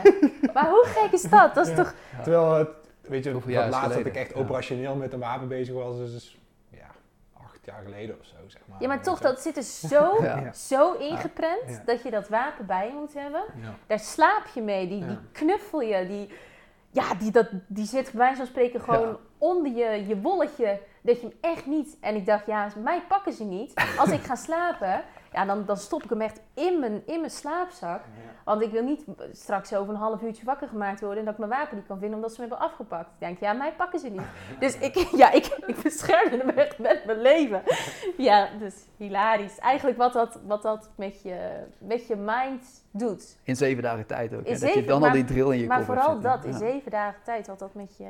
Het is ook Ja. wel eh, natuurlijk een enorm compliment richting de instructeurs, hoe ze dat in zo'n korte Zo, tijd hebben ja. jullie op die manier hebben bijgebracht. Ik was Ja. echt onder de indruk, moet ik zeggen, van de manier waarop zij dat deden. Ja. Waarop ze, zij dat hadden vormgegeven allemaal, die, eh, dat hele traject. Ja. Ja, ja, wij hebben daar ook echt wel, eh, tenminste als ik dan voor mezelf spreek, ook wel heel wat berichtjes van gehad van de commando's en oud-commando's. En ook eh, hè, van andere eenheden die zeiden van, goh, eh, ik kan nu ook deels thuis laten zien wat wij in onze opleiding hebben gedaan. Hoe dat er eh, Hmm. in grote lijnen heeft uitgezien en, en wat wij dan moesten doorstaan. Want eerlijk is eerlijk, toen ik thuis kwam, ja, waar moet je beginnen met praten? Ja, wat heb je gedaan? En dat is Dat- echt, eh, ja, sorry. Dat, is- dat, is, dat lukt gewoon niet. Nee. Je kan niet uitleggen wat je hebt gedaan, hoe dat was, eh, wat je hebt beleefd. Dat is, dat is zo'n. Ja, ver van de bedshow voor mensen Ja. die niet... eh, ja, het is heel moeilijk uit te leggen, zeker ook. En ook missiedingen zijn heel Ja. moeilijk uit te leggen thuis, ja. Kijk, als jij zegt van ik eh, ben 30 kilometer gaan fietsen, ik ben helemaal naar de Getver gegaan. Oké, kunnen mensen dat visualiseren hoe dat dan moet zijn geweest? Maar als je zegt, ja, ik heb een, eh, een, een dijkenmars gedaan met, met, eh, met deze en deze obstakels en deze voorwaarden. En ik heb een gijzeling gedaan en ik heb dit gedaan, ik heb dat gedaan. Dan kunnen mensen gewoon totaal geen voorstelling van maken. En terecht, hè. Want ik, ik denk als ik in, die, in hun schoenen had gestaan, dat ik daar ook niet een, een voorstelling van had kunnen maken. Dus voor mij was ook ehm, de uitzendingen op televisie was voor mij ook een soort van, klinkt misschien heel stom, maar een soort van aftermovie 2.0. Mhm. Om dat ook gewoon ehm her te beleven, maar ook dingen opnieuw te verwerken. En ook vragen die je had van, huh, maar hoe ging die opdracht eigenlijk? Dat je dat tijdens die uitleg maar half had meegekregen. Ja, ja. Ehm, dat je dat dan nog een keer herbeleeft. Dus je hebt het eigenlijk drie keer meegemaakt. Eén keer echt toen in je dromen, en toen nog een keer Ja. eh, tijdens de uitzending. Ja, ja nou eigenlijk wel ja. Ja. Die had nog iets over, Ja. de, over de ontvoering, want die hoor ik al vaak. Ja, die gijzeling, ja. Of de gijzeling, Ja, ja. ik vond het wel ik vond het interessant. En er werd eigenlijk vrij eh, niet echt op ingegaan in het programma, merkte ik. Maar ehm, volgens mij bijna iedereen, waaronder jij, eh, koos eigenlijk voor de executie, voor de, voor de dood. En dat vond ik best intens en best interessant om te zien. En dacht ik van, denk je dat je dat in een echt situatie ook had gekozen? Nou, jij, kijk, wij hebben dit nog nooit meegemaakt. Ja. Wij hebben hier geen briefing voor gehad. Wij hadden die missie gehad dat we bij het eh rendezvous point eh, eh, opgepikt werden. Ehm, en in één keer worden gegijzeld. We krijgen geen briefing van jongens, mocht je gegijzeld worden, dan is dit het beste scenario wat je kan doen. Je weet het niet. Het enige wat wij besproken in de, in de bus was: oké, we mogen geen gegevens afgeven. Geen persoonlijke gegevens, niet wat we hier doen. Want hè, we moeten echt simuleren of dat het echt is. Dus je wil niet zeggen dat je van de Special Forces bent. Dus Dat hadden jullie samen als deelnemers? Hadden jullie dat als deelnemers hadden we dat in de bus besproken. Ja. Die, die rit naar, de, naar, het, naar, het, eh, eh, ja, naar die schuur toe waar we dan de gijzeling hadden. Want ja, we moesten allemaal hetzelfde verhaal natuurlijk vertellen. Dus we hadden een, eh, ja, een heel scenario eh, samengezet van, eh, nou, we zijn eh, die en Tom, Tom en Dennis zijn van de logistiek, want die hadden de porto's. Dus het, was, het verhaal was helemaal, mo- helemaal mooi, helemaal rond. het klopt helemaal. Maar dan, dan zit je daar en we hadden dus afgesproken, Mag ik heel even, even voor Ja. de mensen die misschien het programma niet gezien hebben. Jullie hadden eigenlijk een missie gedaan, hè? een soort oefenmissie. ja, En na die missie waren jullie aan het terugverplaatsen. En toen waren er opeens mili- militanten of eh, ja, in ieder Ja, geval de vijand. Die gijzelden jullie in busjes. En dat Ja. was allemaal enorm intens. Met heftige geluiden en, eh en stroboscooplichten. En nou, uiteindelijk werden jullie allemaal ondervraagd. En, eh, en wat ik net bedoelde, is dat eh, jij onder andere er uiteindelijk voor koos om je mond te houden. En je werd geëxecuteerd eigenlijk. Ja. Hè? Dus eventjes ja, even beeldschetsen voor degene die Ja, niet heeft ja. gekeken. Sorry. Ja. Eh, nee, dat geeft niet. Ehm, en wij hadden dus afgesproken, oké, die eerste ondervraging, want die, die gaat, dachten we, hè, even een schets, eh, dat gaat binnen een uur gebeuren. We worden sowieso het eerste uur allemaal wel een keertje ondervraagd. Dus nou, eerste ondervraging zeggen we sowieso niks. Dat hadden we afgesproken. Dus ik denk, ik hou mijn mond. Dus die tweede ondervraging heb ik wel wat losgelaten. Maar goed, dat is dan niet op beeld gekomen. Maar je weet ook niet zo goed wat het beste is om te doen. Je weet niet wat de anderen zeggen. Misschien als je wat zegt, dan zeg je eigenlijk al te veel. Dus wat, wat bij mij er door mijn hoofd heen schoot van... oké, ik kan dus beter gewoon niks zeggen. Dus ook niet mijn naam loslaten. Wat dus, waar dus een aantal wel voor hadden gekozen. Want ik weet niet of dat die anderen dat doen. Ja. En hetzelfde met de, eh, het eten en het drinken. Er werden eten en drinken aangeboden. Ik dacht, dat is allemaal leuk en aardig. Maar ik weet niet of dat zij ook eten en drinken aangeboden krijgen. Dus ga ik dat ook niet aannemen. Terwijl je achteraf hoort van... als ze je drinken aanbieden, moet je altijd aannemen. Ook om een stukje beleefdheid en ook omdat we een- al een hele lange dag hadden gehad. Het was warm, eh, we hadden heel weinig gedronken, we waren al een tijd bezig. Maar ik dacht, ja, dat ga ik niet doen, want we doen het of collectief of niet. Maar je weet dus niet of dat je bezig bent met collectief. Want iedereen die... Ja, je spreekt elkaar natuurlijk niet. Je hebt die, die, die zwarte kap heb je over je hoofd en je weet het gewoon niet. Je weet gewoon niet wat er gaande is. Je weet niet wat er gebeurt, wat er gezegd wordt. En ja, dat is, dat is gewoon een hele rare, rare situatie. En dat zou ik dus nu ook wel anders doen. Stel je zou gegijzeld worden, dan zou je wat meer proberen hun tegemoet te komen. En of dat ik dan voor zo'n executie zou kiezen, ja, dat vind ik een hele ethische vraag natuurlijk. Nou, daarom ook testen interessant. Ja, ja, dat dacht ik al dat je het daarop stelde. dat ja, hoeft helemaal niet hoor, als je daar verder niet op in wil gaan. Nou ja, kijk, tuurlijk doe je dat naar mijn idee niet. Ehm, maar ja, ik, ik weet niet, omdat ik nog nooit in zo'n echte situatie ben geweest. Kijk, ik heb nu deze gijzeling gedaan zo goed als ik dacht dat ik het kon doen. Maar Maar nu, nu is Ja. het natuurlijk een tv-programma en eh, ja, dus dit is een los, los vlodder in zo'n eh, geweer en wordt er naast je geschoten waarschijnlijk. ja, En maar wij zaten er zo lang in dat Je denkt je... dat het echt is. En Dat het, dan- dat het echt is hoor. Nee, nee, nee, tuurlijk. Nee, Want, uiteraard. Nee, want ik- eh, ja, ik- nou ja, ik weet niet hoe lang hebben we daar gezeten. Volgens mij zeven uur werden we gegijzeld. Hm. Zoiets, dacht ik. Eh, ja, toen, toen ik na die eerste ondervraging werd teruggebracht, toen, eh, ja, toen, toen kregen we daar nog een paar stressposities. En eh, nou, ik heb niet eens, je hebt geen besef van tijd, maar na een, na een tijdje werd je dan gevraagd voor een tweede ondervraging. En dan heb je echt het gevoel van, want die gijzelnemer die vertelt dan van, hè, als je nu vertelt, dan, eh, dan ben je veilig en dan gaat er niks gebeuren en dan, dan krijg je eten en te drinken en dan houdt het voor jou op en dan is het helemaal goed en et cetera, et cetera. En dan toch twijfelt je, twijfel je heel kort even in je hoofd van, zal ik eraan toegeven?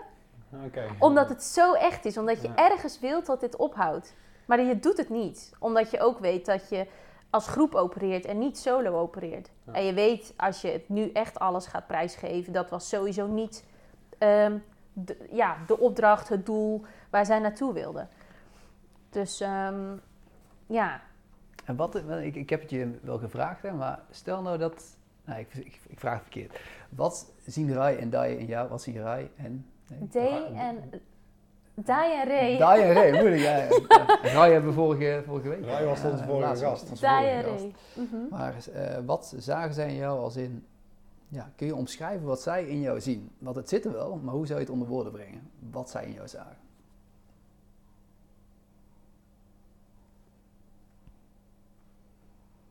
Ik denk een. Dat vind ik een hele lastige. Dat vind ik een hele lastige. Ik ook, ja. Ik, ik, ik, ik zie het ook, maar ik kan het niet onder woorden brengen, zeg maar. Het- Er zit een stukje doorzettingsvermogen. Het, zit, het is iets van binnen, hè? Ja, Ik denk een stukje zelfbewustzijn. Ehm, ook wel een stukje fysieke kracht en mentale kracht. En heel humble. Ik zal mezelf nooit boven een groep zetten. En altijd het, het groepsbelang boven mijn eigen belang zetten. Ik denk dat dat een aantal dingen waren die zij zagen. Ja, ja. dus het, het, het, het echt onvoorwaardelijk gaan voor de, voor de groep.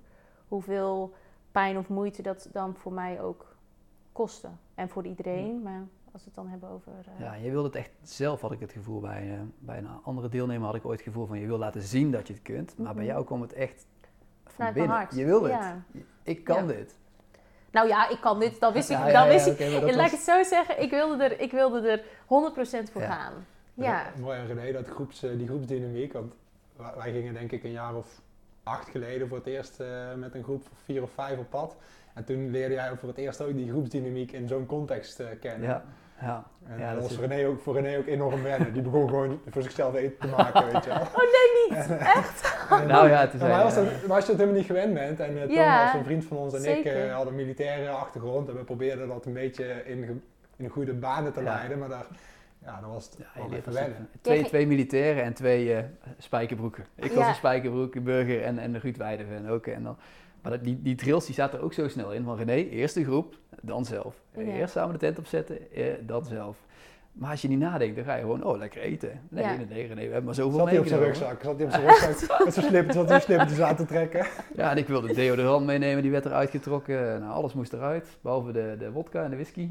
Die moest mee. Die moesten er wel mee.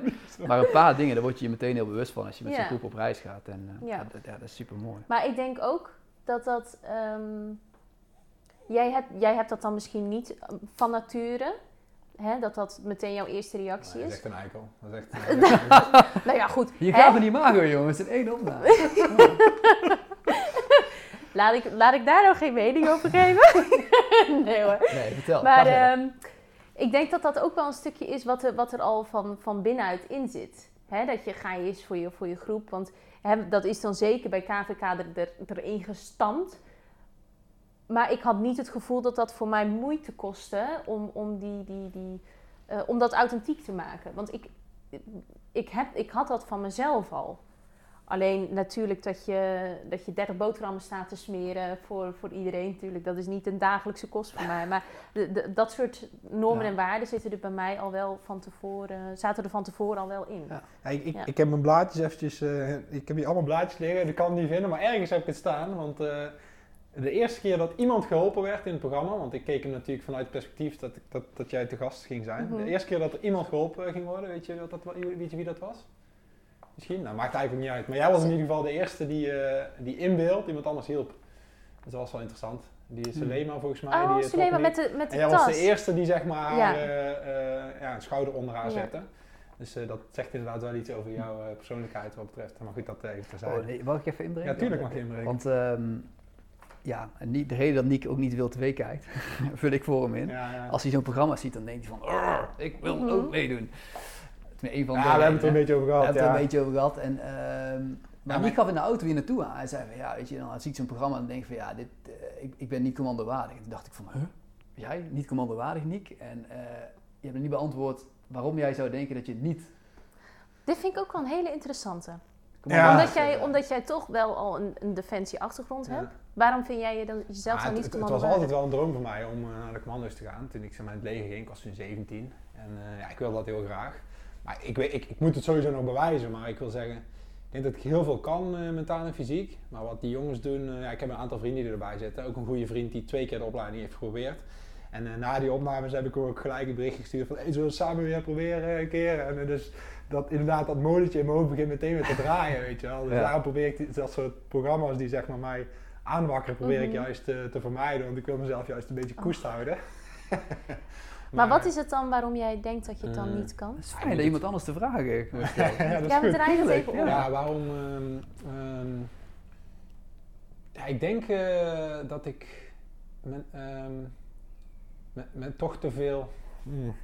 Ik kom er zo even op terug. Dat is een hele goeie. Mag jij er nog even over nadenken? Ja, denk er nog even over na. Ja. Want dat vind, ik, dat vind ik wel een hele Ik denk, dat ik, eh, ik denk dat ik gewoon misschien eh, niet stre- stressbestendig genoeg ben. Dat denk ik eigenlijk. Ja. Dat ik denk eh, dat ik onder stress, echt heftige stress, Mhm.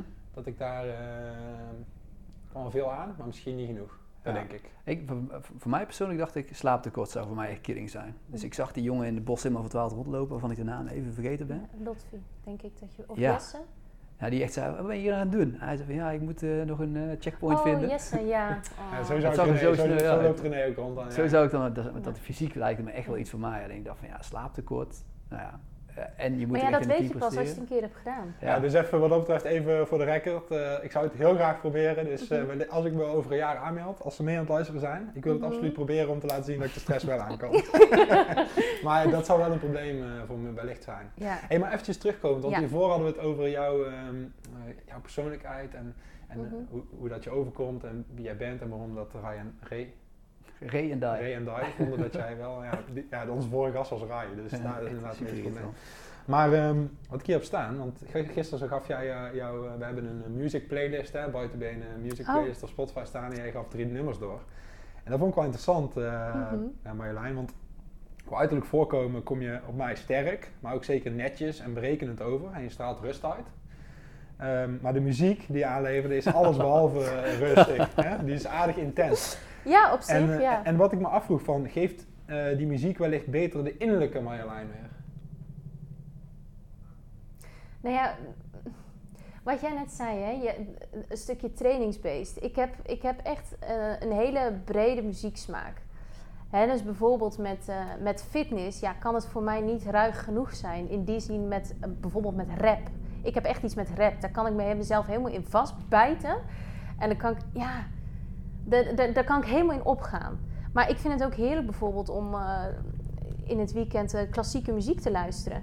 En alles wat daartussenin zit, kan ik ook heel erg waarderen. Eigenlijk alleen eh, van die kroegen, Nederlandse kroegenmuziek. En, ehm, oh, Sorry, Zo, ik in zat- Nederland Oké, een panel is van die Apache. helemaal in Die Apache waarschijnlijk.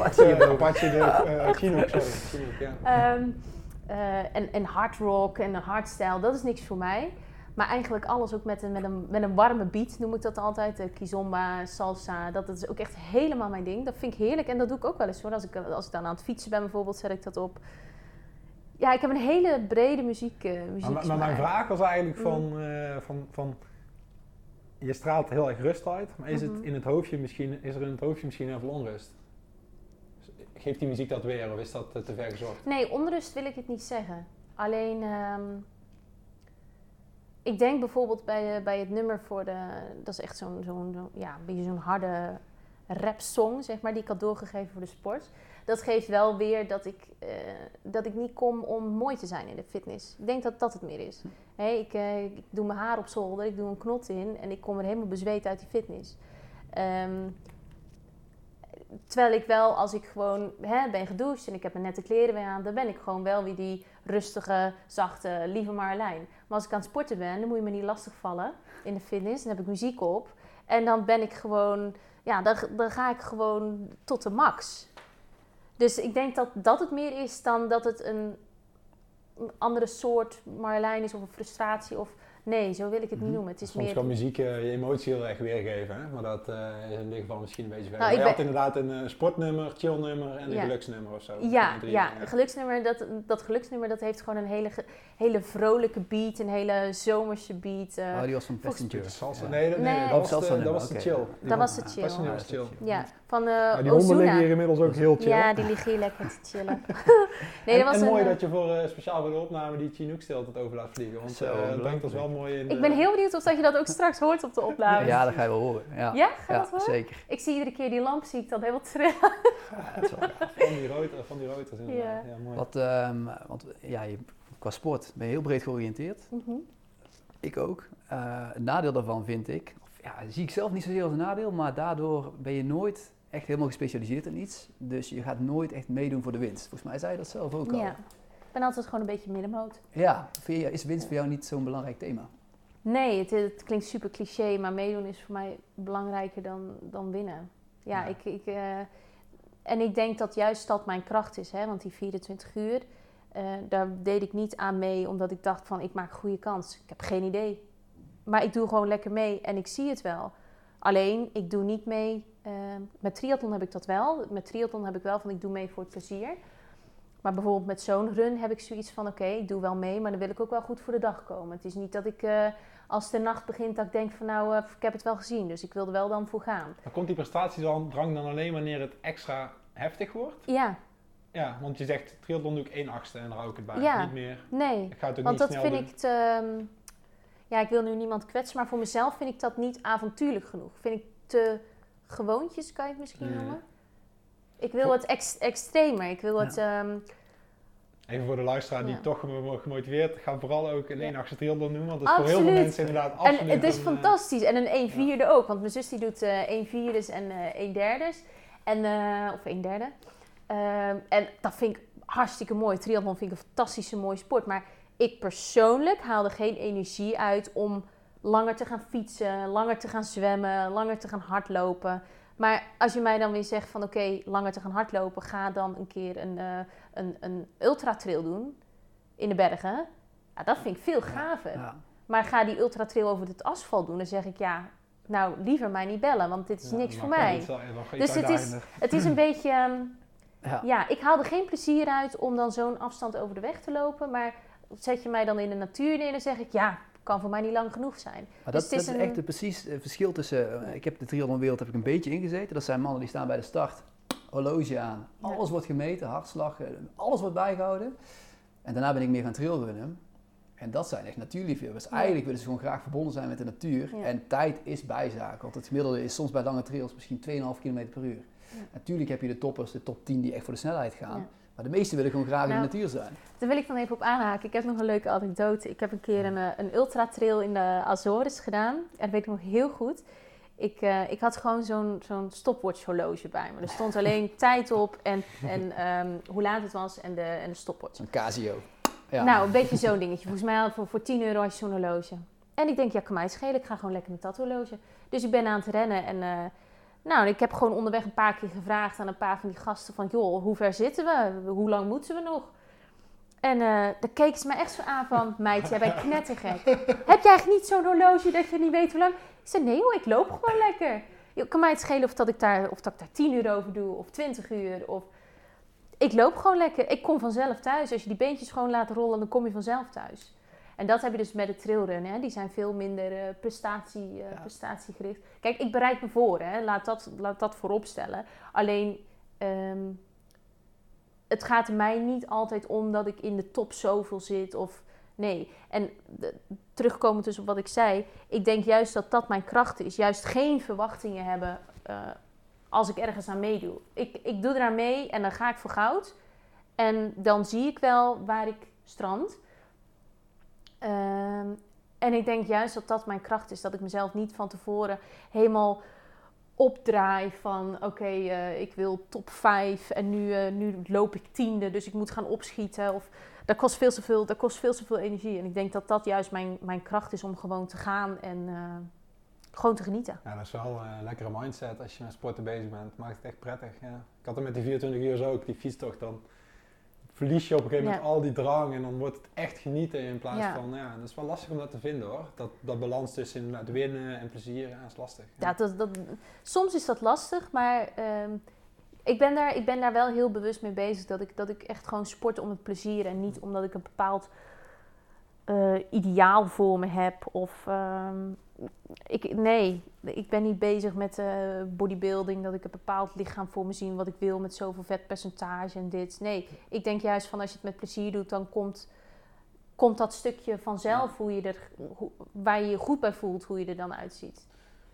En dan straal je dat ook meer uit, dat geluk. Zo, ik ben altijd, ja, dat klinkt echt super misschien hoor, maar ik denk heel vaak vanuit binnen. Dus als je van binnen gelukkig bent en als je van binnen fit bent, dus ook in het koppie, als je daar fit bent, dan komt de rest allemaal vanzelf. En dat fit in het koppie, dat had ik dus niet met dag 1 met KVK. En dan zie je, dan komt er een soort error. En dat moet gewoon allemaal weer even gestroomlijnd, die weerwaar moet uit elkaar. En als je dat gewoon weer helder hebt, dan kan je gaan. Ja, En dat is dus ook als je bijvoorbeeld de opleiding doet. Als jij voor jezelf duidelijk hebt waarom je dit doet, eh, dan, dan kan je zo'n opleiding ook halen. En Ik zal het meenemen als ik toch nog een keer die opleiding in heel goed, heel goed. En eh, niet, eh, en niet dus wat, wat, eh, wat de instructeurs zeiden, je moet dit niet zien als een, hè, als je die op, echte opleiding gaat doen, als een soort van eh, fitheidstest of een soort van ehm, sportprestatie. Want dan doe je het dus om die prestatie en dan levert je Nee. jezelf die extra druk op. Als jij het doet vanuit jouw eigen innerlijke, ehm, innerlijke kracht en jouw innerlijke drive dat jij dit wil, omdat je echt commando wil, wil zijn, dan, dan haal je die opleiding gewoon. En tuurlijk moet je die basisdingen hebben, eh, eh, fysiek, mentaal, fit, noem het maar op. Tuurlijk, dat is de basis. Maar zolang je het maar van, van binnen wil, dan, dan komt dat vanzelf. Ik zie toch wel een beetje een aanmelding voor jou aankomen René voor het eerst nu. Eigenlijk voor de volgende in deze context. Ja, ik denk nou... Wie weet, als eh, er een volgende KVK komt, Ja, dan... eh, precies. Ja. ja, wie weet. Zo Zullen de even- solistenversie. Nee, je hebt inmiddels dat, eh, dat groepsgevoel, dat heb je absoluut. Dus laten we dat nog eventjes rechtzetten. Dat, eh dat kun je Fijne rectificatie. Ja, ja. Hey, maar eventjes eh, weet, over KVK gesproken. Weet jij Mhm. eh, wat het allereerste is wat tijdens elke aflevering wordt gezegd? Uitdaging van hun leven? Nee, komt er iets voor. Eén zinnetje komt daarvoor. Ehm, Ik weet het. Oh, gatsie, wacht even hoor. Ik weet het niet. Ik kan, ik kan dat, heel dat verhaaltje van Jeroen kan ik dromen. Inderdaad, het zegt in de uit- uitdaging van hun leven, maar wie? Gewone burger. 15, Gewone eh, burgers. 15 gewone burgers. Ja, Ja. 15 gewone burgers in hun uitdaging van hun Zijn het leven. 15 gewone burgers? Het zijn wel gewone burgers met een rauw randje, zeg ik het altijd. Oh, ja. Het zijn wel gewone burgers met een, een net even iets extremere eh, sportieve motivatie dan de gemiddelde sporter. Ja, Ik denk niet dat je zomaar de gewone burger daarin daar neer kon zetten. Ik Nee, zag maar jullie niet als met- 15 gewone burgers. nee, maar met gewone burgers bedoelen ze dat wij geen enkele defensieachtergrond hebben of, of Spijkerbroeken. Ik snapte, ik Ja. snapte waar ze ermee eh, bedoelden, maar ik vond het wel een Voorkennis mooie, of- een Ja. mooie metafoor. Ja. in de zin van, ja, zijn het gewone burgers? Volgens mij eh, niet, maar ze bedoelen inderdaad, Ja. ze willen inderdaad even, zo- het is mooi hoe ze dat schetsen. Ja. Maar ja, eh, volgens mij eh, gewone burgers. Ik, ik denk dat het eh, dat, dat stuk voor stuk op zich wel op hun manier allemaal buitenbeentjes waren. Buiten-. Ja, zeker, ja. Gewone buitenbeentjes, laten we het daar Zie je jezelf als een gewone buitenbeen of als een buitenbeen? Ik zie me gewoon als een normale burger.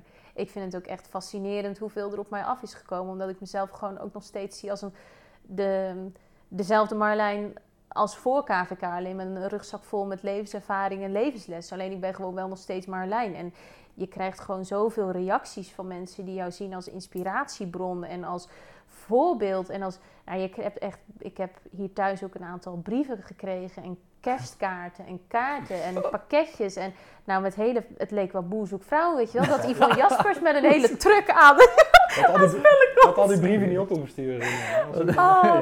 En dan lees je dat allemaal. En dan denk je maar, hoe dan? Het is natuurlijk super mooi om te zien uh, dat mensen, dat is, ja, dat is toch geweldig om te zien dat, dat mensen, is, Ja, maar dat is wel gek dat ze dat naar mij sturen. Omdat, voelt het niet. Het voelt een beetje imposterachtig. Uh, nou ja, ik ben gewoon Marjolein. En nou ik, heb, ja. ik heb daar gewoon, om even gewoon plat te zeggen, mijn ding gedaan. En um, dat dat dan zoveel teweeg heeft gebracht, niet alleen bij mezelf, maar dus zoveel teweeg heeft gebracht bij andere mensen.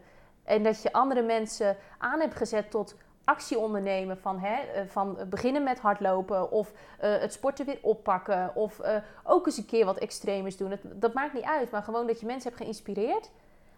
Dat vind, ik, dat, vind ik, ja. dat vind ik echt heel bijzonder. En Omdat je zonder je ego te laten zien eigenlijk. Nou dat, ja, zonder ja. dat je daar niet bewust mee bezig bent geweest. Je hebt daar geen speeches gegeven van jongens, kom op, iedereen kan dit. En, nee, je hebt daar gewoon je...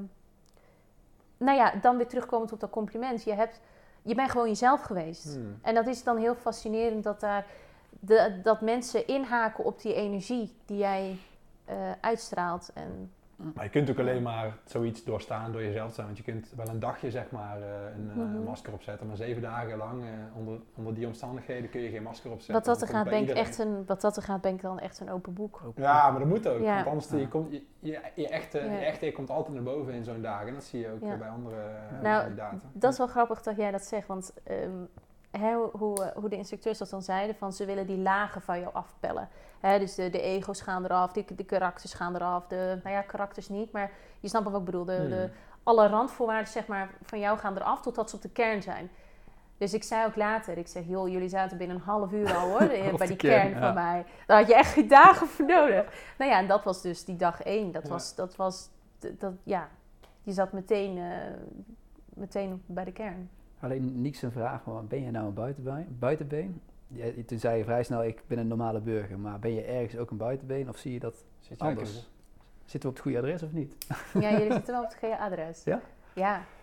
ja. Vertel. Ja, ik, ik, ik, ik ben wel iemand die, uh, die geen avontuur uit de weg gaat en die het liefst alleen maar buiten is. Ja, en bezig is met, met, met, met sport en bezig is ja, met, met, uh, ja, met, met uitdagingen. Je grenzen verleggen. We hadden, we hadden nog een klein opdrachtje meegegeven. Ik weet niet of dat, uh, die goed was overgekomen met WhatsApp hoor, maar... Uh, over het geluid? Het geluid ja. Mm -hmm. Heb ik over nagedacht. Dus het geluid, uh, is eventjes, ja, van welk geluid zet jou aan tot avontuur of sport? Of wat doet jou ja. denken aan avontuur of sport? Of ja. wat inspireert jou? De helikopter natuurlijk. nee? Nou, dat, dat zou wel een hele gave zijn, maar die komt helaas niet iedere dag over. Dus okay. als ik daar mijn motivatie uit zou halen, zou ik niet iedere dag motivatie halen. Ik vond dat een hele lastige vraag. Um, omdat ik niet specifiek geluiden heb die mij aanzetten tot bepaalde motivatie. Maar als ik bijvoorbeeld, hè, ik ben het liefste dan in de natuur. Dus als ik dan bijvoorbeeld uh, aan, het, aan het hardlopen ben in het bos en je hoort juist eigenlijk niks. Ja, die had Nick ook. Die had Nick ik ook. precies Had jij die ook? Ja. ja, ik had die ook, ja. Nou, dan ben ik niet origineel.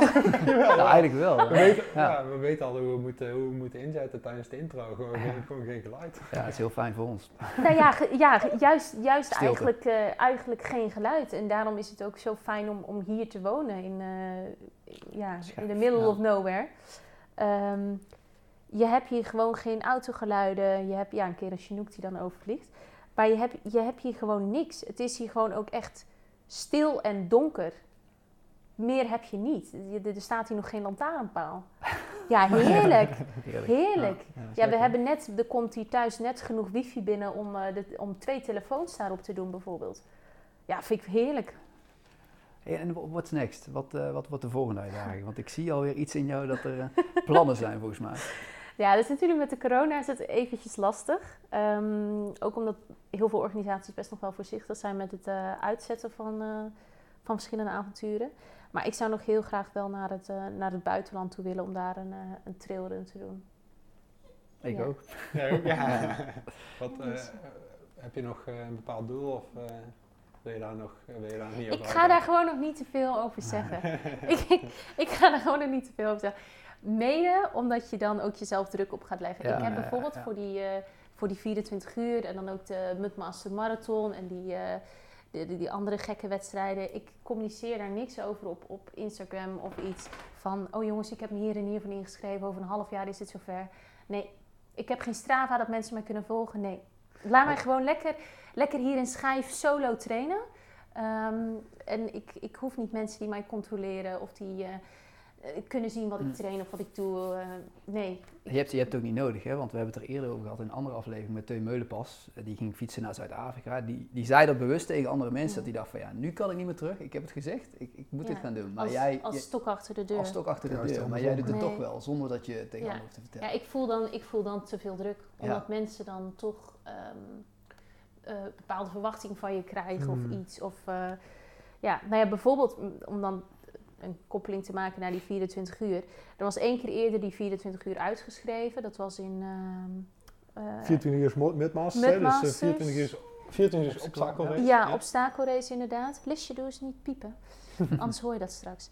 Ehm, ja, dat was dus die 24 uur en die was in Biddinghuizen. En eh, nou ja, ik werk nu acht jaar voor de Mudmasters. En ik zei tegen, tegen één collega, wij waren eh, die zaterdagavond, waren wij, want het evenement is altijd zaterdag, zondag. Wij waren zaterdagavond nog wat dingen aan het, aan het voorbereiden, aan het schoonmaken en aan het opzetten voor, eh, voor de tweede eventdag op zondag. En ik zag toch die, eh, die mensen, zag ik, van die 24 uur, die ging natuurlijk door. En ik zag die een lampje opzetten op hun hoofd. En ik zeg tegen mijn collega, waar ik toen mee aan het werk was, ik zeg, dit ga ik de volgende editie doen. Ik kom niet werken, ik ga die 24 uur doen. En zij keek mij aan en ze zei, ja hoor Marlijn, tuurlijk, kijken we rond die tijd wel. En ik denk dat ik het tegen drie collega's heb gezegd. eh, en voor de rest heb ik het stilgehouden. Omdat ik niet mezelf die druk op wilde leggen van... Wauw, Marlijn die gaat die race doen. Huh?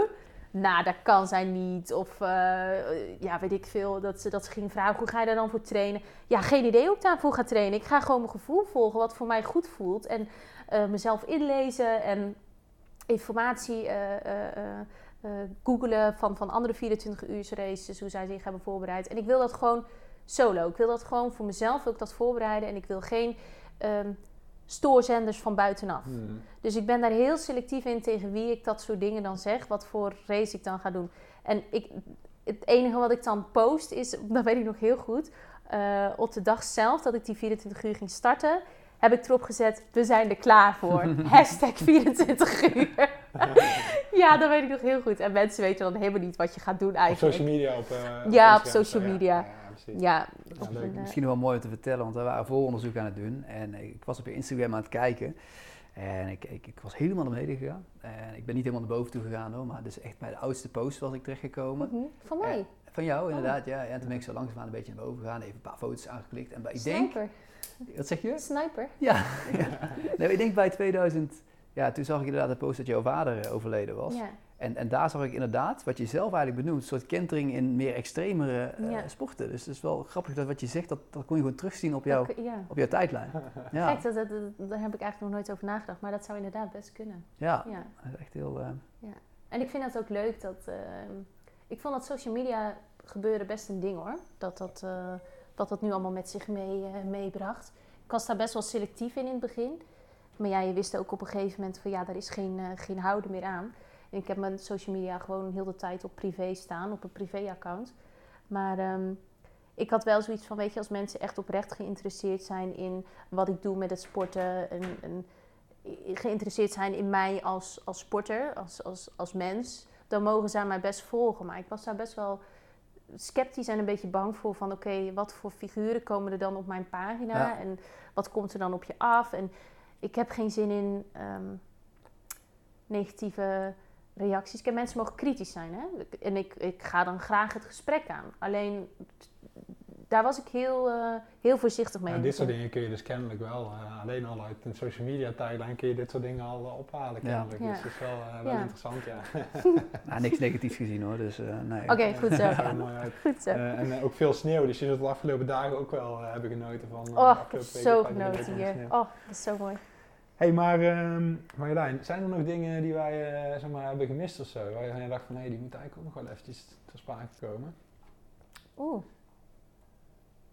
Nou, eigenlijk niet. Ik vond het gewoon een heel leuk gesprek. Ja? We kunnen zo nog wel een paar uur doorgaan, maar dan wordt het wel heel lang, denk ik. Dat idee heb ik ook. Ja, want wij voelden ons ook wel vereerd, denk ik, hè, dat je juist voor onze podcast wilde kiezen. Uh, had je, ja, wat was jouw beweegreden daarin? Om... Nou, dat was, ik ben wel benaderd door meerdere um, uh, mensen die een, uh, ja, hoe noem je dat, een podcast uh, hebben. Ja, die gewoon die je uit hebben genodigd voor de podcast. Ja, ja. voor een ja. podcast. Alleen jullie concept sprak mij gewoon heel erg aan. Dat het niet alleen ging om, om één specifiek onderwerp, maar meer het, het, het, het sportminded in het algemeen. Um, en dan vooral het, het stukje echt buiten zijn en het, het, ja, het, het trainen. En het, ja, dat sprak mij gewoon veel meer aan dan, dan de andere podcast. Dus ik ben daar wel heel selectief in wat er, wat er nu dus allemaal op mijn pad komt. en wat ik daar dus mee, uh, mee doe. En als ik daar zelf ook een, een bepaalde vorm van uh, energie uit haal. Want ik vind het echt een superleuk gesprek. Mm-hmm. Ja, ik heb nu... Zeg maar, wat er nu bij mij uh, omgaat is van... Oh, weet je, ik ga lekker mijn sportkleding straks aantrekken en ik ga lekker sporten. Ja, dat kan, wij ook doen. Wij gaan het ook doen, ja. Nou, daar ga ik met jullie mee, hoor. Ja, heel wederzijds. voor ons is het ook een heel fijn gesprek. Ja. Um, ja, wij hebben altijd het idee dat uh, luisteraars niet per se uh, meer dan een uur een kwartier naar uh, René en mij willen luisteren. Wellicht wel naar jou hoor. Daar zit je nu op trouwens. Oh, we zitten er nu op. Nou, ja. dus, nee, dus we proberen wat dat betreft de tijd altijd wel iets beperkt te houden. Ja. maar we kunnen inderdaad, we zouden volgens mij nog heel lang door kunnen praten. Maar ik denk dat het, ik denk dat het wel een mooi gesprek is geweest. Ja, super mooi gesprek. En de honden hebben zich ook mooi gedijst. Ja. Een paar Apaches. Er zit hier eentje tussen mijn benen. Tussen oren zit aaien. Nee, dus namens Niek en uh, maar ja, super bedankt voor je openhartigheid en uh, ja, laten we gaan sporten. Ja, laten we, dan ja, laten we lekker gaan sporten. Genoeg gebabbeld. Genoeg gebabbeld, yes. Zo, wat een heerlijke gastvrijheid en openhartigheid. Maar wat een gedrevenheid ook. Deze dame lijkt niet te stoppen. Wat René en ik aan een lijve mochten ondervinden tijdens een flinke, spontane post-opname trailrun sessie. Respect voor wie in het leven staat Marjolein, we blijven je volgen.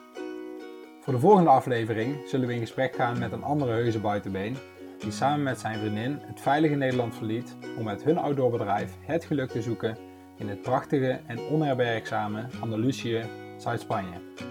Voor hen waarschijnlijk een droom die uitkwam, totdat de coronacrisis hen nu toch weer terug naar Nederland heeft gedreven. Mocht je hierover of in het algemeen op de hoogte willen blijven en onze activiteiten willen volgen, volg ons dan via Instagram of Facebook via buitenbenen laagstreepje podcast. Voel je uiteraard ook vrij ons persoonlijk te contacten. Altijd leuk om van een medebuitenbeen te horen. Voor nu hopelijk tot de volgende keer bij de Buitenbenen podcast voor het nodige avontuur on the go.